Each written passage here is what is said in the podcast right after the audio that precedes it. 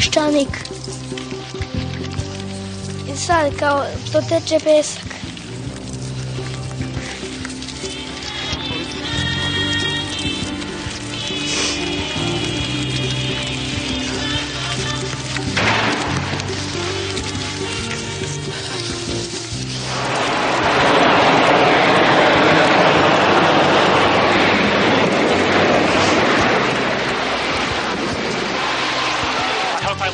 I live. Um, I hope I live. It's coming down on me. Here it comes.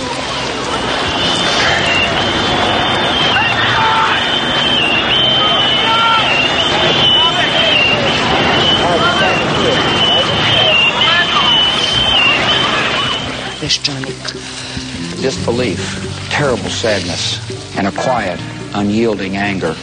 Even though I walk through the valley of the shadow of death, I fear no evil, before you were with me. None of us will ever forget this day, yet we go forward to defend freedom and all that is good and just in our world.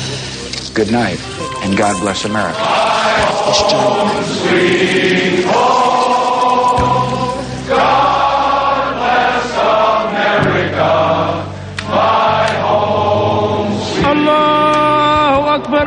أشهد أن لا إله إلا الله. أشهد أن لا إله إلا. الله. أشهد أن محمد رسول الله. أشهد أن محمد رسول الله. الله أكبر. الله أكبر. الله أكبر. الله أكبر. أشهد أن لا إله إلا الله. وأشهد أن محمدا رسول الله. حي على الصلاة.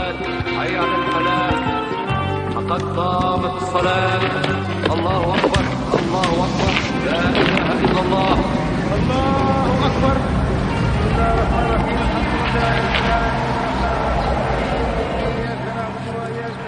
Let me tell you about wind.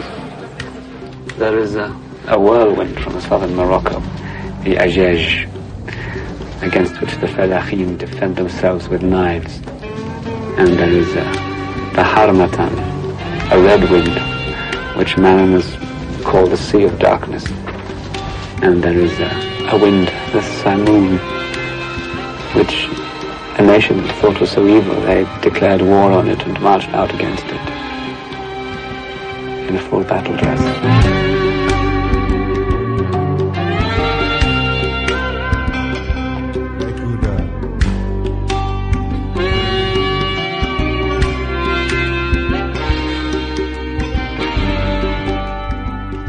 Francuski filozof Jacques Derrida je napisao knjigu u kojoj razmatra koncept otpadničke države. Kaže da je još Clinton od 1993. godine ustoličio politiku odmazde protiv otpadničkih država, rekavši da će Amerika dejstvovati kada je moguće multilateralno, ali unilateralno kad god je to neophodno. Njegov tadašnji ministar odbrane William Cohen je bio još konkretniji. Mi smo spremni da delujemo vojno kad god su ugroženi naši vitalni interesi, a kao vitalne interese naveo je citiram, obezbeđenje neometanog pristupa ključnim tržištima, izvorima energije i strateškim resursima. Taj lepi pregledni svet je za Ameriku prestao da postoji 11. septembra. A posle 11. septembra, kaže Derrida, postalo je jasno da svi pokušaj da se označe terorističke ili otpadničke države predstavlja zapravo racionalizaciju koja treba da otkloni paniku pred činjenicom da pretnje ne potiču niti mogu da ostanu pod kontrolom neke određene države, čak ni otpadničke. Uzalud očajnički pokušaj da se označe otpadničke države, da se očuva u životu umirući koncept ratova i terorizma. Dakle, sve države su otpadničke i nema više otpadničkih država. Koncept je stigao do krajnje tačke. I sada kada se ljudi širom sveta više nego ikada bune protiv invazije na Irak, to nije zato što su iznenada postali osetljivi na ljudsku patnju, nego zato što osjećaju da ovoga puta svrgavanjem jednog diktatora uz naftu koju će dobiti možda ide i mnogo gora stvar. Najgore što po Deridi može da se desi je nuklearni napad koji bi razorio državni aparat Sjedinjih američkih država, države koja je garant i čuvar svetskog poredka normalnih država, a onda džabe nam nafta.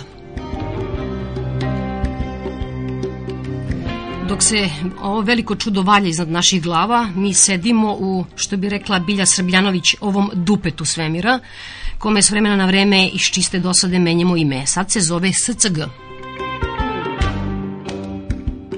A delegacija SPCA je bila u Vatikanu. Jutro su na Beogradski aerodrom sleteli poniženi pukovnik Bulović i general major Amfilohije i priznali nam teška srca da je možda papa čovek, da je možda neka vrsta hrišćanina i da će možda biti pozvan u Beograd.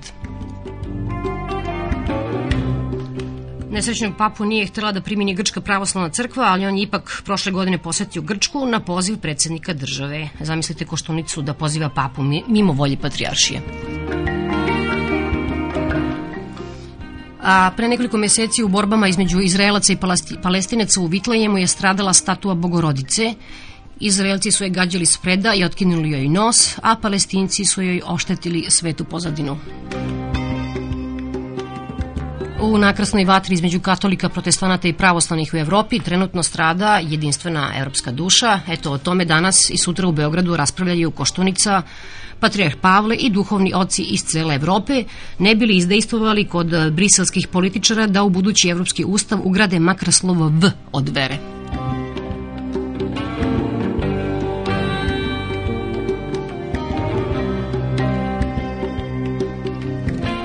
A pred Međunarodnim sudom pravde u Hagu ipak će početi suđenje Jugoslaviji za genocid po tužbi Bosne i Hercegovine. Na početku Peščanika slušate profesora Vojna Dimitrivića koji je bio ad hoc sudija ovog suda i sa još trojicom svojih kolega a, glasao protiv, odnosno smatra da ovaj sud nije nadležan za ovaj spor. Profesor Vojn Dimitrijević ono što naravno svi pretpostavljaju da čovek kao ja ili kao Varadi kad radi tako nešto ima i neke moralne i ljudske dile. Međutim, ono što se desilo, onaj entitet, ona tvorevina, ona da kažemo država koja je tužila Saveznu Republiku Jugoslaviju 92. godine nije isto što i postdejtovska Bosna i Hercegovina. Onda je to bilo Ali Alizbegović, jela kao predsednik. To su bili oni najbliži, najvećim žrtvama genocida, odnosno zločina u Bosni, muslimanskom elementu. A danas je druga strana u sporu Bosna i Hercegovina koja se drži Republiku Srpsku i u toj Republiku Srpskoj najveći broj ljudi koji su po ličnom osnovu osumnjučeni za takve radnje a druge strane Savezna republika Jugoslavija se izmenila u velikoj meri 5. oktobra. Tako da ako bi to dovelo do toga da ova država, Savezna republika Jugoslavija, kakva je sada, Bosni i Hercegovini, kakva je sada, plaća neke odštete, onda bi onda ono što je rekao profesor Varadi nije ni malo vico, onda bi žene u crnom, deca, rođaci Jelene Šantić, pripadnici manjina koji su bili protiv rata, svi mi, vi i ja koji smo bili protiv tog rata, mi bi doprinosili tom budžetu koji bi plaćao odštetu svim stanovnicima Republike Srpske, uključujući rodbinu svih onih i same one koliko nisu išli u sudu.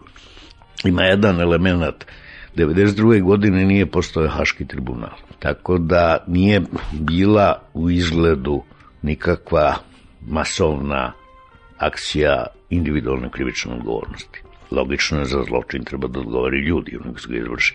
Prema tome, ukoliko je jači ili širi ili, kako bi rekao, intenzivniji napor da se krivično odgovara individualno, onda je na neki način manje logično pritiskati na odgovornost celog kolektiviteta, iako ona nije krivična u smislu krivične sankcije zatvora, ali znate šta, masovno siromaštvo isto neka vrsta kazne.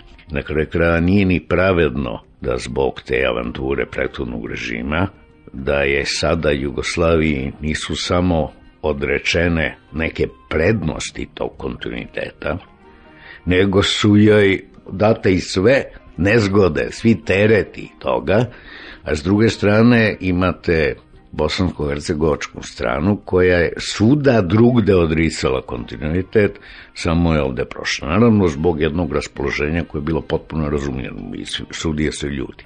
Ja lično mislim da sud više nije mesto gde se to može raspraviti, da je ovaj sud koji sudi državama, da je mesto tribunal i mislim da je još jedna od velikih grešaka naše političke elite, što zapravo daje podršku onima koji Jugoslaviju kolektivno hoće da kasni, time što se odupire Haškom tribunalu. A što, naravno, niko ozbiljan ne može da očekuje da će skoro kod nas početi ozbiljno kažnjavanje krivaca. Ni kod nas, ni u Republici Srpskoj.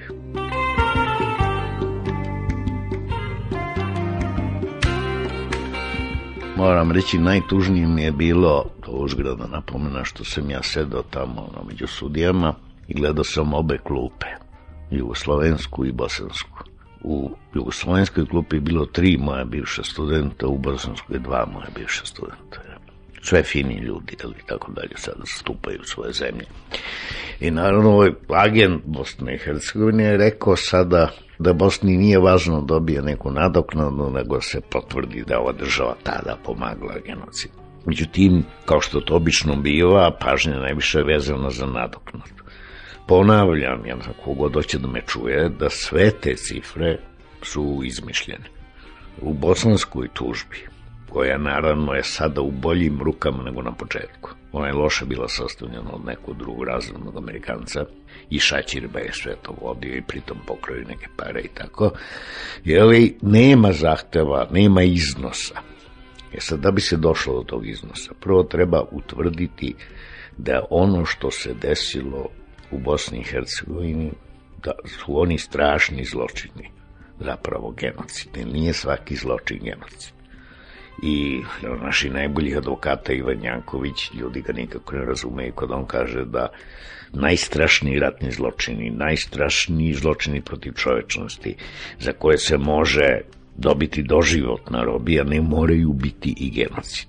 A kopča sa državom postoji samo ako je genocid.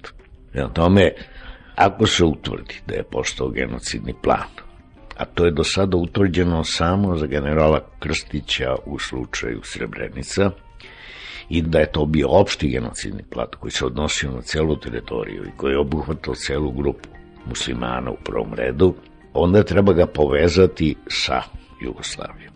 Pa ako se to poveže, onda će naravno i odgovornost Jugoslavija postojati.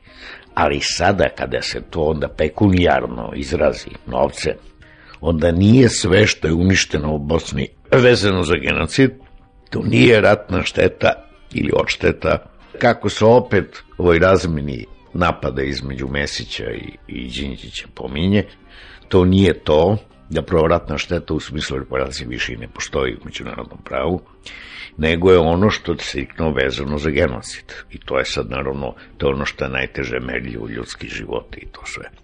I sad naravno to će trajati duže, ja mislim da je bolje da se nađe neko rešenje van suda, koje bi sadržalo i nešto što je za ljude u Bosni vrlo važno, simbolično nešto. Jel da neko izvinjenje, neko priznanje.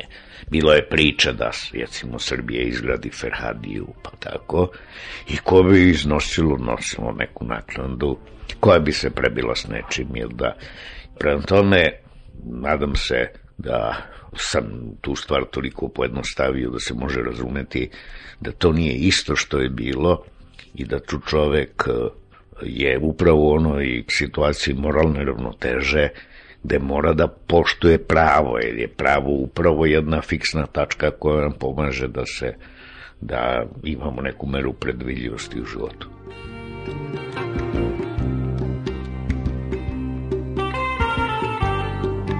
Savjetnik predsjednika Koštunice, gospodin Simić, je rekao ukoliko bude doneta odluka da je Jugoslavija učinila genocid, mi ćemo biti u situaciji kao Nemačka posle drugog svetskog rata.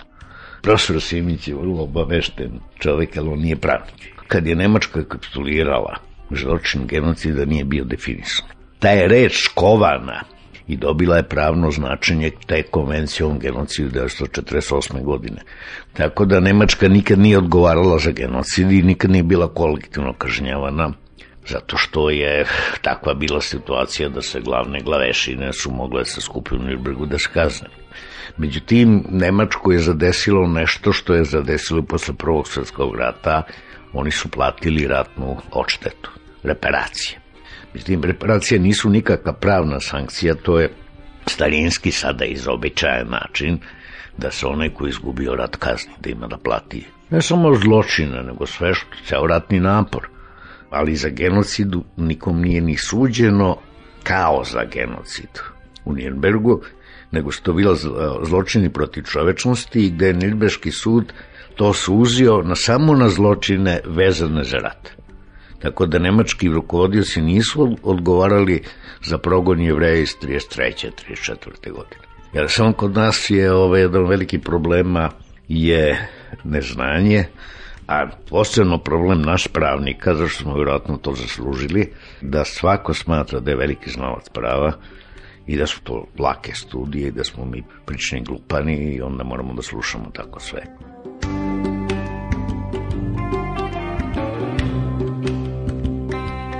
Koliko presude u tribunalu u Hagu sada za individualnu krivicu mm. mogu uticati na donošenje konačne odluke Međunarodnog suda? Sudija ne mogu i svoje kože. Znači, ima sudija Rosalind Higgins, koja je sudija Međunarodnog suda, pravda jedna od najboljih. Ona mi ispričala da je veliki engleski sudija čuveni, on je imao teoriju, kaže, ja sudim po teoriji zlog psa. Kad vidim da jedan, jedna stranka bad dog, kako on kaže, ja onda skupljam argumente protiv njega. To je u ljudskoj prirodi, prema tome naša reputacija je bila mizerna. Do tada, a i sada nije bitno poboljšana, naročito ovako povremeno prodamo malo oružja Iraku i tako, tako da i to utiče. Međutim, ovo čega se ljudi najviše bolje, ako se dokaže Miloševiću i njegovoj grupi da su oni počinili genocid, onda postoji strah da će to prenesen državu. I tu ja moram opet da se vratim na Nirbrški sud koji nije polazio od toga šta je smislio Hitler i šta se on dogovorio sa nekoliko svojih pajtaša. Njima je ključni dokument bio neki zapisnik cene konferencije gde je odlučeno konačno rešenje jevrijsko pitanje. Ali tu nije sedao Hitler, tu je sedela cela birokratska vrhuška Nemačke, i usvojili su taj državni plan. Sad to bi trebalo dokazati u ovom slučaju da je to postojalo, jer da, da nije bilo samo jedno raspoloženje i da li je postojao plan uništenja cele grupe ili ono što se dešavalo u Bosni neke prihapsim, neke mučim, uzmem im pare, drugima da se isele negde i tako dalje. Što su naravno strašne stvari ili nisu genocid. A ja to ponavljam zašto za druge strašne stvari nisu pokrivene konvencijom kao što je konvencija o genocidu gde se izričito kaže da će odgovorna biti država. I naravno onda su dužni svi da rade tako da prosto spasu buduće generacije da snose krivicu onih koji bi trebalo da ispaštaju po krivičnom sudu, zato ja to dovodim u vezu, jer da što bolje radi Haški ovaj tribunal, manje će biti osnova da se tog on podržava. Drugo ima iskustvo i s tim ratnim štetama, znate. Mnogi misle da je francusko insistiranje da Nemačka posle prvog svjetskog rata plati u potpunosti vrlo visoku ratnu štetu, da je pomoglo dolosku Hitlera na vlast. Ili jedna osiromašena zemlja je kako je virus fašizma tu, ako su sve te bakterije tu, ona je mnogo manje imuna na to. A nemojmo se zavravati da kod nas te bakterije ne rade.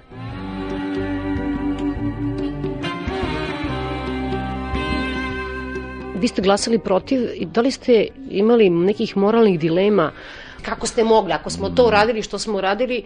Pa, znate, u ovom konkretnom slučaju gde sam ja bio nije bilo izjašnjavanje ili bilo genocida, nije bilo, bilo, bilo izjašnjavanje u nadležnosti.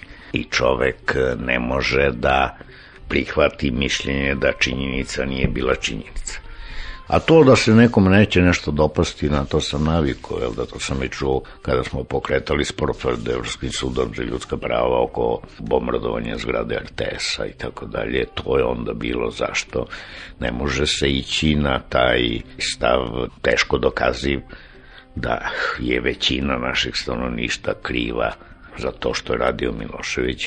Tu ima jedan mehanizam, to je sad druga tema, ali to je sa istinom i pomirenjem, to je radio Jose Salaklet sa Čileo. Znate, čak i oni koji su oduševljeno podržavali Miloševića, kao čilanci Pinočeja, a oni nisu mislili da će on zločine dovrši. Oni su mislili, Vijana je toliko jaka, pa će to sve da smaže, pa ćemo opet mi, dobri Srbi, da gospodarimo Jugoslavijom.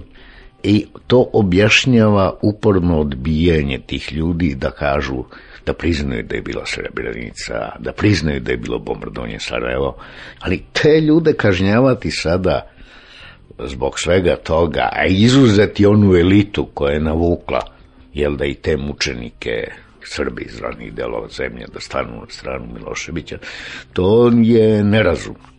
A drugo, mi moramo i da prosto funkcionišemo kao država, prema tome tu državu treba popravljati, a ne stalno biti u otklonu prema njoj, bez obzira kakvi su ljudi u njoj.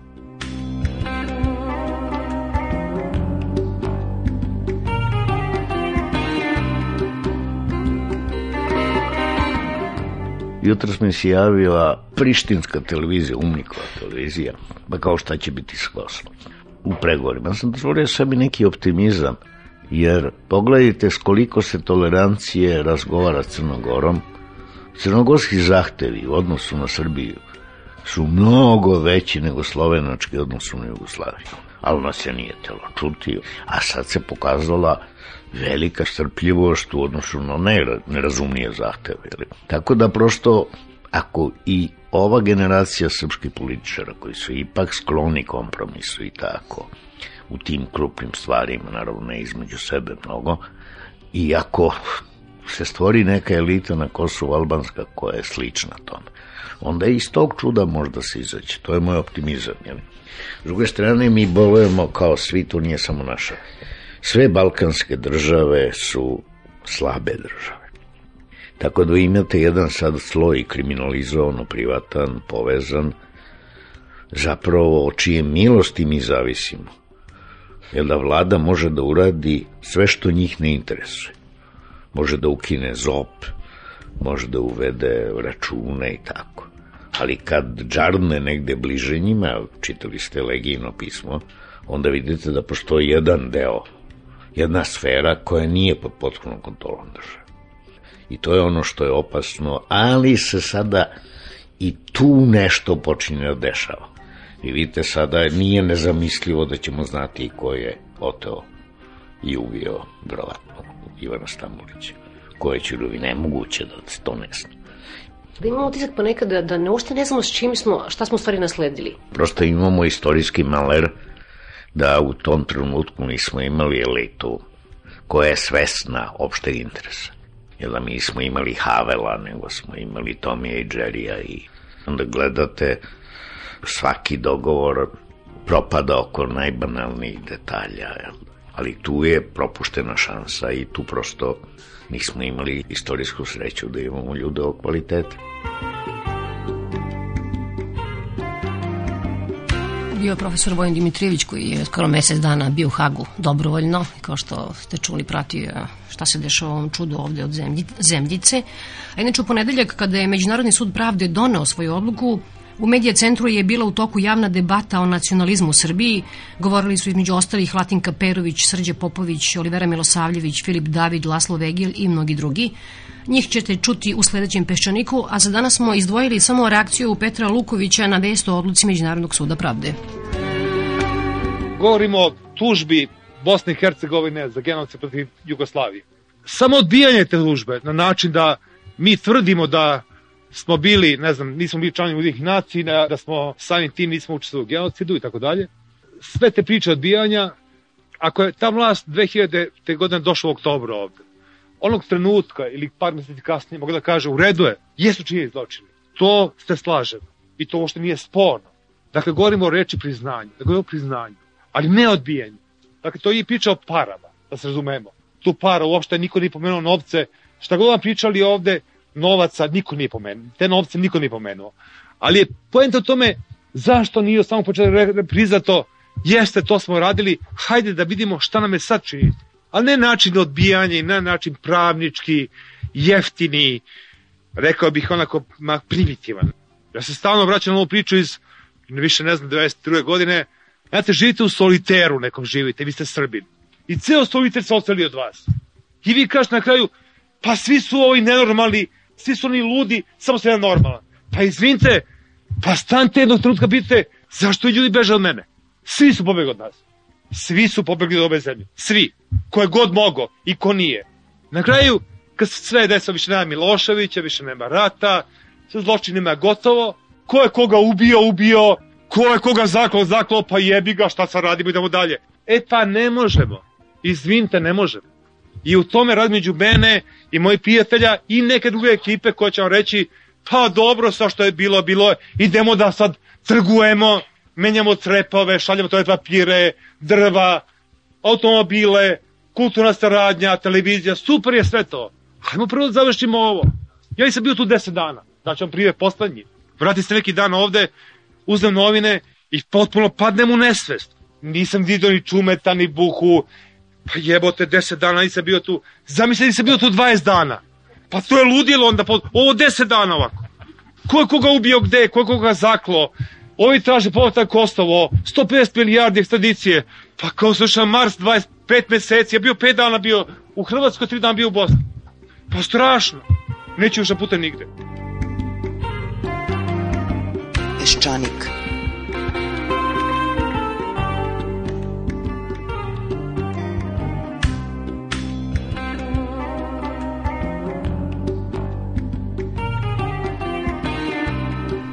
Sada ćete čuti novinara vremena Dimitrija Borova. Ne mogu reći da su reforme potpuno stale, ali one su praktično od eh, leta prošle godine, znači negde od augusta, u zastoju, da se tako nežnije malo izrazim. Tako da e, postoji jedna kriza tog reformskog kursa bez obzira na povećanu reformsku retoriku.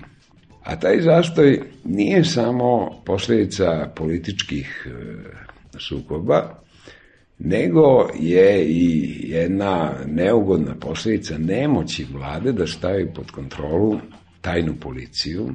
Znate kako reforme se ne mogu sprovesti uz opšti konsenzus, jer one ugrožavaju dosta široke slojeve stanovništva, a ugrožavaju određene stare interesne lobije. Ta vlada mora imati potpunu kontrolu nad instrumentarijom sile. Tek drugi krug prepreka pred reformama se nalazi u jednom korpusu relativno demodiranih socijaldemokratskih svatanja, kad kažete da centralna banka ne podstiče recimo izvoznu orijentaciju, vi zapravo kažete da centralna banka ne štampa novac za pokriće izvoza jedne neefikasne i nekonkurentne privrede. Dakle, ako hoćemo da se reforme ubrzaju, moramo se razjasniti i prosto ideološki oko toga šta je tržišna ekonomija danas, a ne nekada. I moramo ojačati državnu infrastrukturu, pre svega policiju i sudstvo, jer e, u zemljama sa nesigurnim pravnim poredkom nikakve reforme na ekonomskoj strani nemaju šansu na uspeh. Mislim da je naš premijer Zoran Đinđić suviše inteligentan da bi u bilo kakvoj varijanti doista bio na direktnoj vezi sa tim mafijaškim krugovima. Međutim, mene brine to što on nije dovoljno energično od prvog dana pokušao da razbistri te stvari, nego je nekako defanzivno, te ne prodajem ja cigarete, ne pušim, avion e, jednog e, trgovca cigaretama koji je vlada koristila je slučajno iznajmljen. Te nisam bio ovde s ovim, nisam se družio s onim, jednom sam video onog i tako dalje. Znate, kad ste u opoziciji, kad ste progonjeni na izvestan način, kad ste ugroženi, onda čovjek ne gleda u zube mnogo onima koji su spremni da pomognu, da doture neku informaciju i tako dalje. Međutim, kad ste na vlasti, to je neugodno i neprijatno, vi od prvog dana ste zarobljenik e, svečane obaveze koje ste potpisali i tu nema milosti. Mislim da e, naš premijer nije dovoljno shvatio da se zapravo reforme počinju odatle. Reforme se ne počinju promenama ekonomskih zakona, nego razdvajanjem države od mafije, od e, improvizacija, od balkanerije, aljkaverije. Prema tome, ja bih se usudio samo da kažem da oni možda nisu dovoljno bili svesni od prvog dana da je to alfa reformi. A možda i jesu, a nisu imali snage.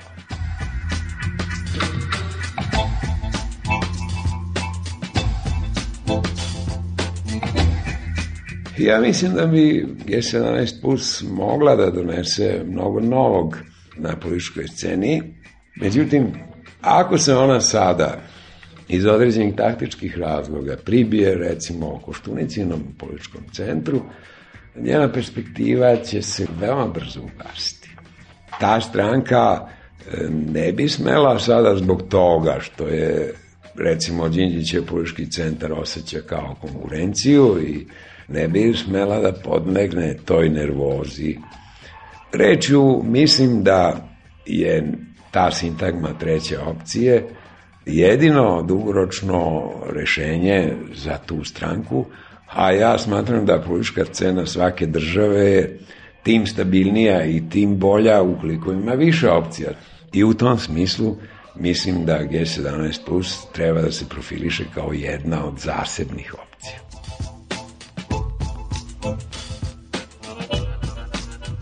Postoji veliki problem sa Koštunicom, jer priroda ideološke matrice na koju se on oslanja je takva da ona traži lidera poput Šešelja ili tako nekog tipa.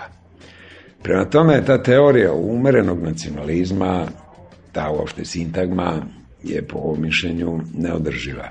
Nacionalizam nikad nije umeren.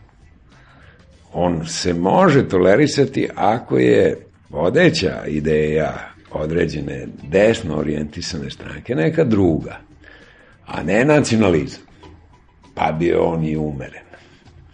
Taj takozvani konzervativizam mora imati neke druge ideološke vrednosti velikog formata. Rezon po kome Haški sud ne valja i sudi se samo Srbima, to je kafanska politika, to nije ozbiljna politika. Ja nisam čuo gospodina Koštunicu da izaziva ugorčenje što srpski sudovi ne, ne sude ratnim zločincima u Srbiji. To nisam čuo ni jedan put. To znači da je to prizeman umereni nacionalizam. A s prizemnom nacionalnom politikom se nigde ne stiže, a pogotovo se ne stiže do ozbiljnog konzervativizma. Mislim da je problem sa tom opcijom što na račun te opcije postoji opasnost da se proširi ovaj goli nacional-socijalizam, kakav reproducira Vojislav Šešelj, jer to se drugačije ne može nazvati. Šešelj je tipični nacional-socijalista.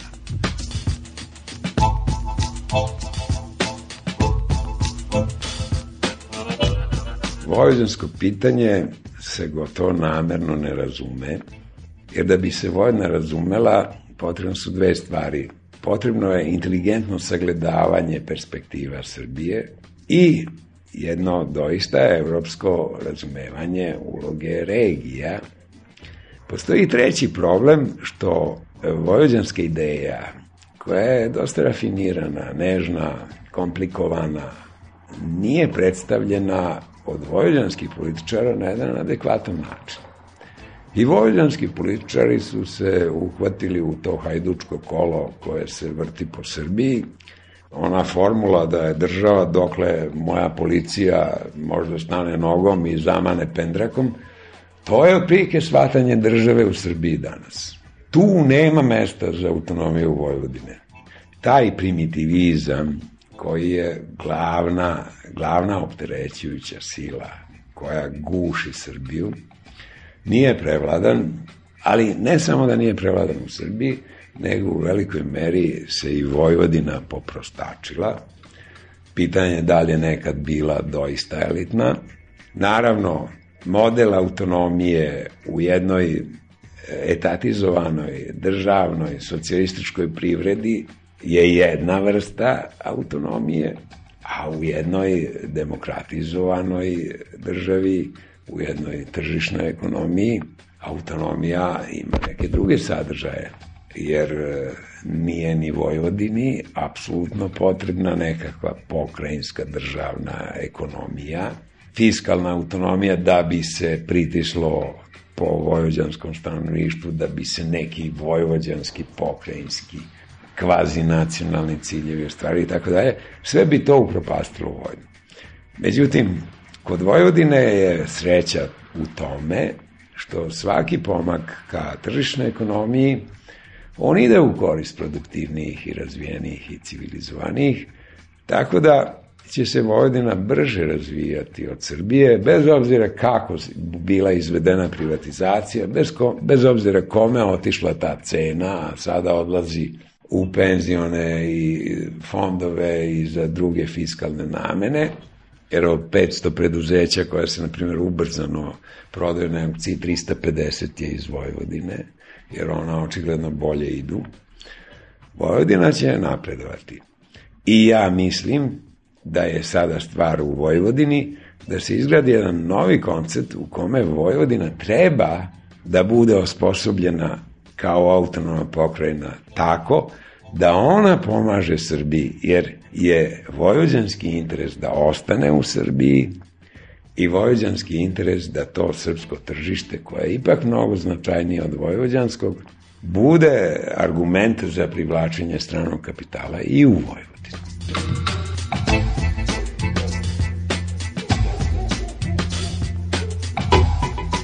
Po popisu 1991. godine u Vojvodini je bilo oko 55% Srba. Oceljavanjem, recimo, 50.000 Mađara, 10.000 Slovaka, 10.000 Rumuna i tako dalje, i naseljavanjem 250 ili 300.000 izbeglica, sada je 65% Srba u Vojvodini. I sad već počinje diskusija. Da li je više nacionalnost Vojvodine smanjena za 10%, ili je tih 10 procentnih poena jedan mnogo veći korak u etničkoj homogenizaciji Vojvodine, što je smrt za identitet Vojvodine. Jer vojvođanski identitet nije samo zasnovan na baroknim trgovima njegovih gradova, na istorijskoj tradiciji, tradiciji borbe za autonomijom, nego je zasnovan i na više nacionalnosti. Meni je žao što se na izvestan način javio taj proces, međutim, moglo bi se reći da nije ni čudo, posle 12 godina paradiranja Vojvodinom od Češelja do Vučinića i nazad i e, jaukanja o srpskim interesima u Vojvodini, da je možda i to uspeh što je samo 10% smanjeno učešće pripadnika nacionalnih manjina koji u Vojvodini su svoji na svome. To je bar moje mišljenje.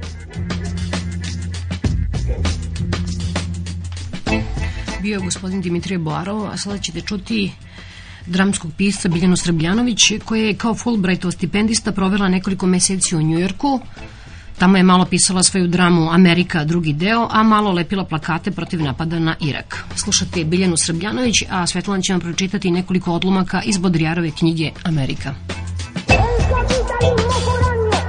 Neće Amerika da propadne, hvala Bogu nego prosto samo ima jedan, jednu silaznu putanju u usporedbi sa ostatkom tog demokratskog zapadnog sveta. Ja sam na kraju otišla u knjižaru i kupila za 5 dolara deklaraciju nezavisnosti i ustav, samo da bi se sama podsjećala šta je to veliko u Americi i zbog čega je Amerika ipak, mislim, zaslužila mesto lidera slobodnog sveta. Da njih, njihovog sistema egalitarizma nije bilo, ko zna šta bi bilo sa Evropom i ostatkom sveta. S druge strane, to je stvarno sada, ja mislim, jedno veoma izraženo klasno društvo. Mnogo izraženije nego čini mi se pre jednog veka.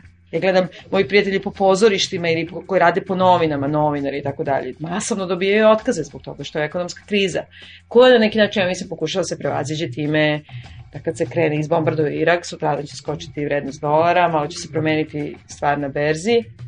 I mislim da postoji isto jedna stvar, a to je ta priča o tome kao da postoji neko ko kontroliše američku vladu i tako dalje, mislim, naravno kapital očigledno bira predsednika u svakoj zemlji, pa i tamo. Ali s druge strane, sad sam nešto, mislim, ja sad razvila novu teoriju, pošto ja sam inače ono kraljica paranoje. Mislim, ja stalno to, što sam ja paranoičan ne znači da mi ne rade o glavi. Ali čini mi se da ta uopšte teorija zavere, koja je nekako najglasnija u tom intelektualnom opozicionom svetu, zapravo najviše doprinosi tome da svi ljudi dižu ruke i kažu pa tu se ništa ne može uraditi. Čak i oni glupavi X-Files koji, dakle svaka epizoda se završava time što neko ko puši, a radi za vladu, zapravo krije nešto od ovog američkog naroda, pa onda dođe Oliver Stone kod Larry Kinga, pa ti ono objašnjava da u stvari je to sve zavera, pa od Kennedyja na ovamo, koji ubio. I sve na kraju dođe do toga da vlada i ljudi oko vlade znaju nešto što ti kao mali čovek ne znaš i ti kažeš pa dobro, oni bar znaju ja tu ništa ne mogu. A ja nešto mislim da to ne postoji zapravo, da je to užasno otvoreno, očigledno da je pitanje para i da jedino što iznenađuje koliko ljudi mogu biti gladni novca. Meni je to fascinantno. Tamo ima ta neka Marta Stewart, koja je kao njihov Bane Vukašinović, na primer. Svakog dana ima na televiziji show program i uglavnom se obraća malo i ženi domaćici na primjer ima svoju firmu za pusteljinu, ima svoje robne kuće za kućanske potrepštine, sve je vrlo jeftino, ona pravi recepte ono za klin čorbu, znači ništa nije fancy. E, dakle, ta žena koja je multimilionarka i bogatašica je prošle godine e, izvršila prevaru na berzi, dobila informaciju da će neke akcije pasti i dobila ne, nelegalno tu informaciju, prodala ih je 24 sata ranije i sad su je provalili. I ja sad sam to pratila, nema veze, dok nisam pogledala koliko je u stvari novca ona zaradila. 40.000 dolara. Žena je, mislim, teška koliko budžet Srbije, desetogodišnji, ali za 40.000 dolara ne može da izdrži. Dokle ti novac treba? Koliko ti toga treba? Kod nas je to možda zemlje, koliko daj mi još zemlje, daj mi još teritorije još. Ovde nije sramota imat, nemati para, u čitavoj Evropi malo čak i sramota da, da im i uvek je ono nešto, ba te cipele su stare i ovo, ma ovo mi je mama kupila i tako dalje, a tamo je veoma sramota nemati para. To je stvarno onako baš sramota. Ja sam imala svoje psihijatrijske terapije, obučila svu svoju garderobu koju imam, onda idem po najskupljim radnjama i maltretiram prodavačicu i nemam da kupim ništa, ali nema veze, užasno ih izmaltretiram i kažem da se to meni ništa ne sviđa i da u Evropi mnogo bolje i onda kao naš imam veliki izlaz. Ma su me već provalili u jednom od koji više nisam mogla. Ali imaš neki osjećaj egzistencijalnog straha barem u tom danu, u tom gradu, svakog božjeg dana. Možda umreš. Eto, jednostavno može, mislim, da te napadne neki čudan virus i da te ne prima u bolnicu, nemaš dobro osiguranje. Znači, od toga nekih sumanutih strahova do toga da si ti u stvari višak. Kako da kažem, 8 miliona ljudi se tiska na ostrvu. I sad, sve što ti uradiš tog dana, ti si oteo nekom drugom. Svako mesto u prevozu, svako mesto zaposlenja, sedište u bioskopu, ti si oteo nekome, tako da ti taj neko direktno radi o glavi svakog božeg dana.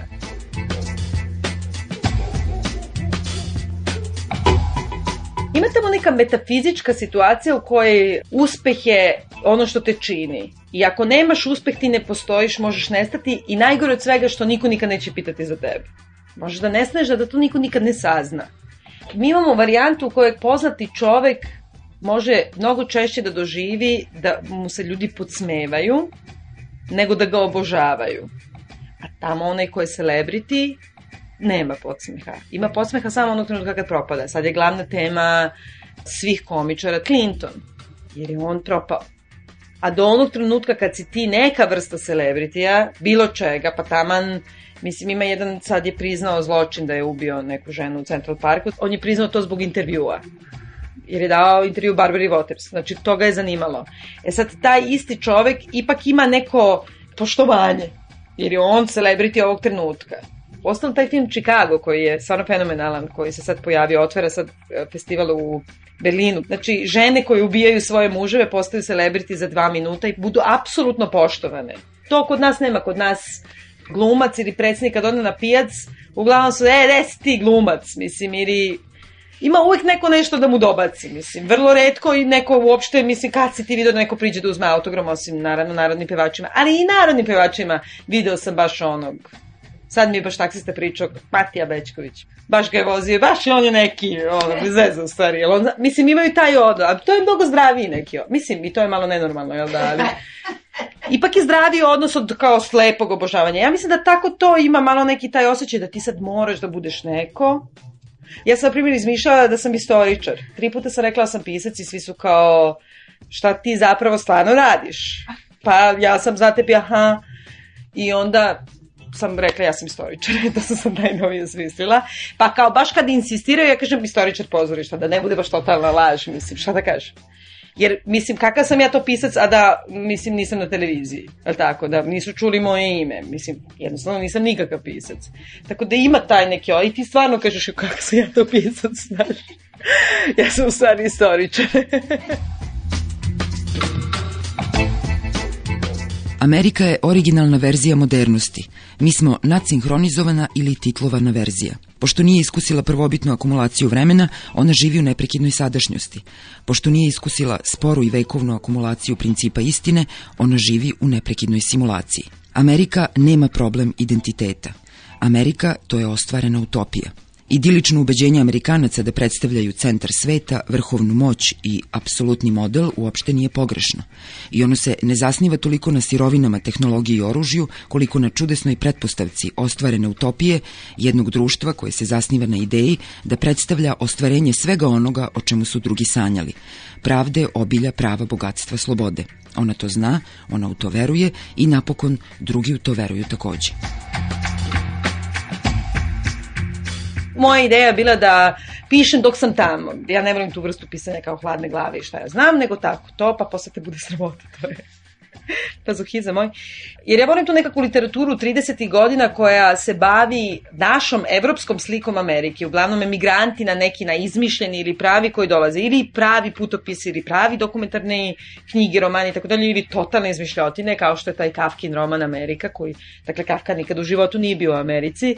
Karl May je njegovo poznavanje Amerike. Ali s druge strane njegovo izuzetno dobro poznavanje želje za nekim novim svetom i za nekim novim uređenjem koje opet nije Amerika sama za sebe, nego to je naša evropska emigrantska čežnja napravila tu državu takva kakva ona jeste. U stvari kad pogledaš sve te romane i Singera, i Kafku, i tog Iljifa i Petrova koje ja jako volim. Uvek to počinje na brodu, prilazi Ellis Islandu. E, ja sam rekla, je dobro, vidim šta ja vidim iz mog avion JFK-a, to je moj Ellis Island, je tako? I ja sam onda odlučila da samo uzmem čoveka izmišljenog, koji se zove isto kao Kafkin junak koji dolazi u Ameriku, on kreće put uspeha kod Kafke. On je tek sleteo i penje se od liftboja do toga da ulazi na neki voz i odlazi u Oklahoma i tako se taj roman završava. A meni ide u, u sunovrat i pada pod nekakav voz u nekakvom metrovu. I da ga više niko ni ne traži. Ima rezova koji su konačni i koji se ne mogu zakrpiti. Na primjer, zemlje trećeg sveta neće nikad uspeti da usvoje vrednosti demokratije i tehnološkog progresa. Evropa je izmislila izvestan tip feudalizma, aristokratije, buržuazije, ideologije i revolucije. Sve to u suštini imalo smisla za nas, ali ni za koga drugog. A Amerika, Amerika je bila u prilici da napravi rez i uspostavi radikalnu modernost. Modernost je, dakle, originalna samo tu i nigde više. Evropa je počela da nestaje. Mitovi su se preselili. Danas su svi moderni mitovi američki. Ne pomažu jadikovke. U Los Angelesu Evropa je nestala. Kako kaže Izabeli Per, oni imaju sve, ne treba im ništa. Oni nam zavide svakako i dive se našoj prošlosti i kulturi, ali u suštini mi im ličimo na samo malo otmeniji treći svet. Sluša non stop na televiziji, non stop držite nekakve govore i non stop nam objašnjava u zemlji sitkoma gde je sve okrenuto komediji, lakrdi i satiri, zapravo naprave simpatičnog čovečuljka od čoveka koji je veoma moćan, Tako da oni su sad napravili lutku, na primjer. I to je, lutka je prava lutka koja govori, koja je obučena kao, izgleda kao George Bush i onda pritisneš dugme ima 17 njegovih tih idiotskih rečenica. I to je planulo, to su ljudi kupovali, ali to ga čini simpatičnim čovečuljkom koga sad ti staviš ispod jelke za Božić i onda kažeš nekad sednu, mislim, intelektualci na večeru i kažu ovaj rat u Iraku je baš strašan, jer vidite, ovaj naš George Bush ne zna ni da kaže nuklearno oružje, nego on misli, kaže, stalno kaže nulkuarno, tako nešto, i ne može da nauči po Bog. Tako da se sve tako to okreće na tu jednu šalu komiku. Ja sam iščitala gomilo nekih knjiga kao da li on disleksičan ili nije. On je pokušam da izaberem neku politički korektnu reč, da ne kažem baš da je idiot, mislim, ali on je neinteligentan na način na koji se ti, na primjer, smeješ onom bađi. I onda kao Bađu u Svilajnicu napravio kao sve je super, pošto je tamo seko sebi prskalemarski makazam i ne znam šta i ti kažeš ha ha ha, vidi ovog Bađu i ne bi se baš sad digo da ideš da oslobađaš Svilajnac. Eto, to je na tom nivou. Tako da ti uopšte se naljutiš. A misliš ipak ima, u stvari, nemoguće da ovaj disleksičan čovek vodi ovu zemlju, nego iza ima neki drugi ljudi koji u stvari su mnogo pametniji i šta se mi u to uopšte mešamo. Mislim da je najveća kriza bila u jednom trenutku u tom kao intelektualnom svetu je kad je Carter dobio Nobelovu nagradu. Sad imao je taj vrlo tako oštar govor i tako dalje i to je onako baš dočekano na nož. Kao smatralo se izdajom američkih principa. Opet s druge strane, mislim, i to je Znači, 100.000 ljudi u Vašingtonu, Golden Globe se dodeljuje tog dana, ama nema uopšte, nema ni na jednoj televiziji. Znači, mi smo svi gledali šta, u šta se obukla Sharon Stone, obukla se jezivo. I nije to sad diktirano da vlada diktira medije, nego i vlada i mediji su diktirani novci. Taj dolar drži CBS kao što drži tu vladu. Prema tome, ako će dolar da skoči kad se sruče neke bombe, to tako sve ide u tom smeru.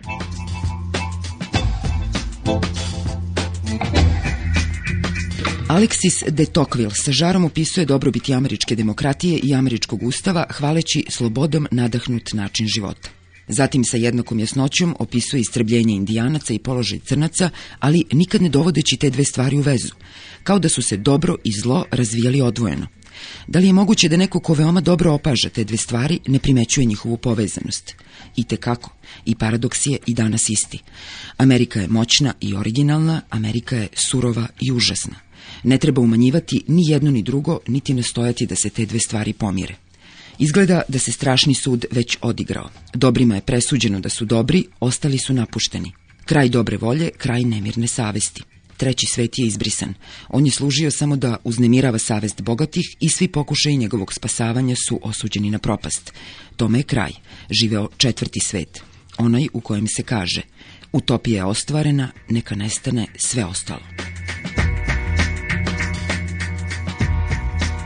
Mislim, ja sam sad vratila posle pola godine kod da ni nisam ni bila. Malo nisam povatala i ja sad pitam, čekaj, ko je čume? Da li je Ljiljana Buha žena Boška Buhe, onog što su ubili? Mislim, jer to mi sad tako zove. Ja sam jedan sad upala u tu neku varijantu. A inače sam bila i tamo dva puta u našem konzulatu, jednom na prijemu u Koštuničinom, jednom na prijemu u Đinđićevom. Koštuničin prijem, tu nije, nije moglo se priđe uopšte i tu je uglavnom bila ta generacija, dobar dan, ja sam porodio Lepu Brenu.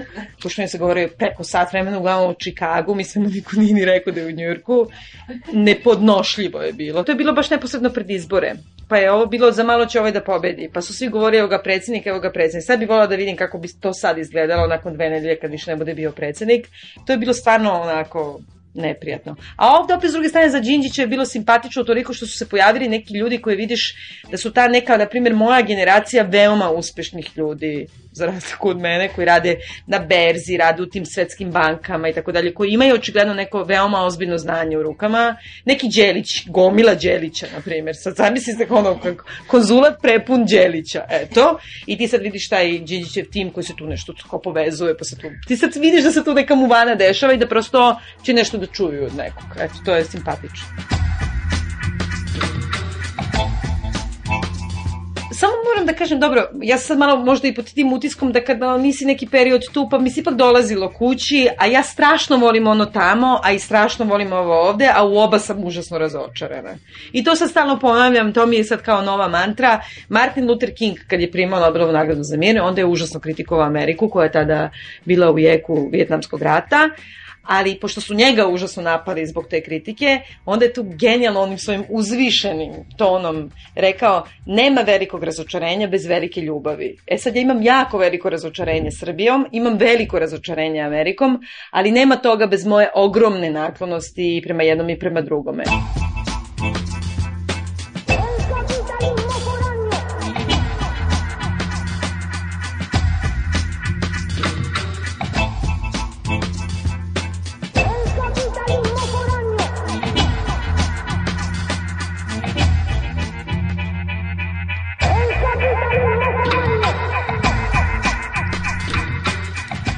Pljuškove mi se peščanika govorili su Vojn Dimitrijević, Petar Luković, Dimitrije Boarov i Biljana Srbljanović, montaža Rad Koristić, realizacija Marko Perunović. Ako ste slušali emisiju, zahvaljujem se Svetlana Vuković i Svetlana Lukić. Prijetan dan.